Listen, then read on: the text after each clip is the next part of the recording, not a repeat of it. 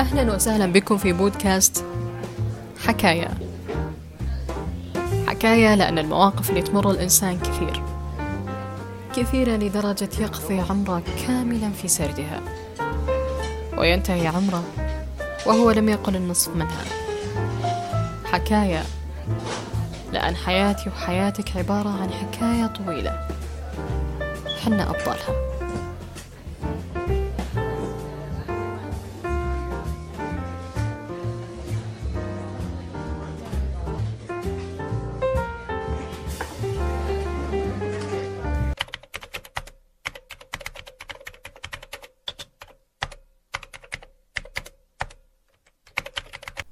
أهلا وسهلا.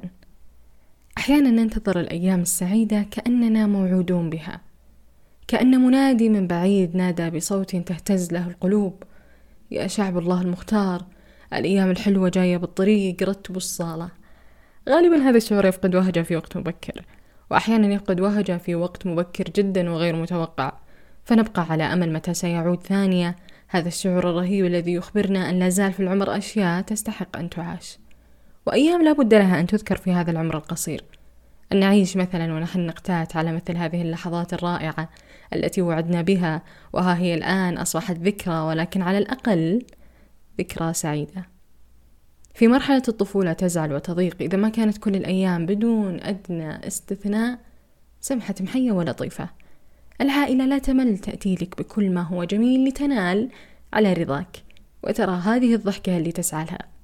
ثم في مرحلة المراهقة حتى وإن كانت كل الأيام كذلك لا تحفل بها لأنها لم تأتي بصورة ترضيك. أو كما يقول أندريه أحيانا تأتي السعادة ولا نتعرف عليها ذلك لأنها تأتي بوجه غير الوجه الذي ننتظره. ثم تبحث في نفسك وشخصيتك وتسعى إلى إثبات رأيك وتركض نحو هذا وذاك بحثا عمن يقدر هذا الإنسان فيك. وإن كان تقديرا لحظيا وليس دائما يعني ليس دائما ليوم واحد حتى. بترضيك من هذه الالتفاتة وتعتبرها تقديرا عظيما ثم تعتبرها من أيامك السعيدة. لأن إلى الآن لا تعرف كيف يمكن أن يكون الإنسان مهما ورائعا ومحبا في نظر من يعنيهم أمره أو لا تعرف على وجه الخصوص كيف يمكن للإنسان أن يحدث فارقا. دائما لديك هذا الهاجس. الذي يخبرك أنك لن تصبح شخصا ملحوظا إلا إذا قمت بما هو عظيما وفارقا ولم يفعله أحد من قبلك. ويغيب عنك طبعا بجهلك أن ليس كل ما تسبب بأمور عظيمة كان عظيما في أصله بل أن الحياة فيها أشياء كثير بدأت من شعلة لا تتوقعها. ثم في مرحلة الشباب تطمع في الأيام السعيدة طبعا ومن منا لا يطمع بها؟ ولكن لديك ما هو أهم تشعر أن هذا الوقت ليس الوقت الذي تطلب فيه بل الوقت الذي تلبي فيه هذه الأوامر التي ستضمن لك حياة كريمة في مقتبل العمر. فتتنازل عن أشياء كثيرة لمة العائلة مجالسة الأصدقاء لتسعى في مناكبها. وتجد هذه النتائج التي في نظرك هي من ستخلق لك أيام رائعة تزهو بهذا الإنجاز الذي أخذ من الوقت والجهد والعمر. لمرحلة الشباب وجه آخر الوجه الذي لا يسعى لأي شيء. ولا يفكر في السعي. يستلقي على أريكته المعروفة في المنزل ينتظر مكالمة صديق ليظهر معه في جولة لا مفاد منها. لا مفاد منها لأنها تتكرر باستمرار وقد يكون يعرف ما سيحدث لشدة ما تكرر هذا السيناريو طوال الأسبوع. ولكن ها لا يزال ينتظر أياما سعيدة بالطبع كحال الإنسان الذي يطمع بها بشتى أشكالها. ثم تنضج هكذا بسبب موقف أو حدث. ولكل ما ترى مقاما واضحا وأصلا متغيرا لا ثابتا فتعرف أن أنت من تمنح كل الأشياء قيمة لا هي من تمنحك. في مرحلة الشيخوخة تتضح الأمور كما لم تتضح من قبل. بودك لو أن الحياة أعطتك هذه النظرة لها من البداية. تصبح الرؤية فائقة الوضوح أعني رؤية البصيرة حتى وإن قلت رؤية العين المجردة فلدينا بديل يواسي ويوازي. تكتشف أن السعادة ليس بالضرورة أن تكون ذات ضجة وصوت مسموع ولا يتوجب عليها أن تكون مكلفة وباهظة وليس عليها أيضا أن تتضمن حشدا من الناس تعرف نصفه ولا تعرف نصفها الآخر. بل لا بأس لو جاءت بصورتها الهادئة وأيضا قد لا تطمع بأيام سعيدة بل بأيام بسيطة ومريحة وعادية مفرطة في عاديتها. هنا تجد نفسك التي تبحث عنها. وإن مرة فكرت بأن تأخذ استراحة من هذا الهدوء فسترغب بأن تلقى رفيق العمر أو أن تجمع الأحفاد في منزلك منزل الأجداد المبجل.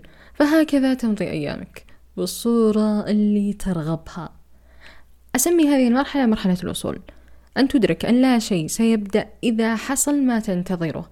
إذا كانت المشاعر الجيدة ستأتي فستأتي في وقتها لا عند بدء أمر أو انتهاءه هذه مراحل البحث عن السعادة في حياة الإنسان المتعارف عليه.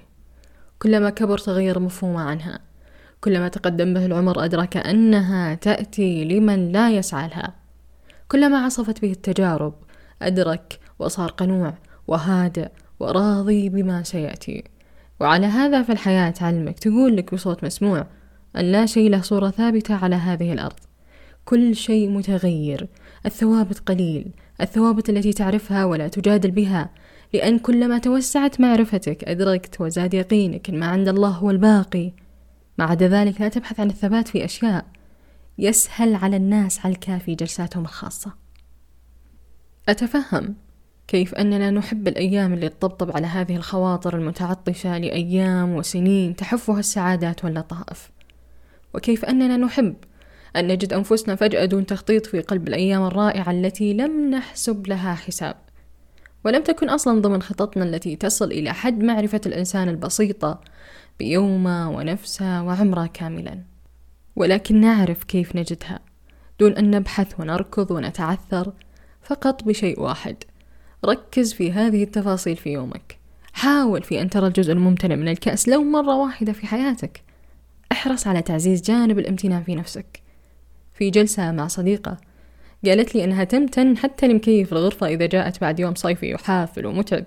ترى أن هذه النعمة التي نعرفها واعتدنا عليها ولم نعد نعطيها اهتماما فقررت بمعرفتها أن تقدم لها هذا الامتنان أو مثلا تمتن لمن قالت لها شكرا بعد أن وقع القلم منها فجاءت لتعطيها إياه للحظات الصامتة في اليوم أو حتى للحظات التي تمتلئ بضحكات الأحبة وأحاديثهم لشاي الضحى على طاولة المطبخ والنافذة تسمح للشمس بأن تطل على هذه اللحظة المحفوفة بالألفة للمشي في ساعات متأخرة للمعلومة الجديدة التي جاءت على حين غرة.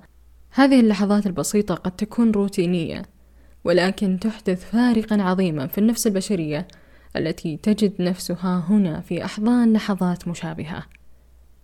أما بشأن السعادات العظيمة والإنجازات الكريمة والأخبار التي تأتي بمثابة دواء لداء الرتابة فاعلم أن كل شيء سيأتي في وقته الأنسب له.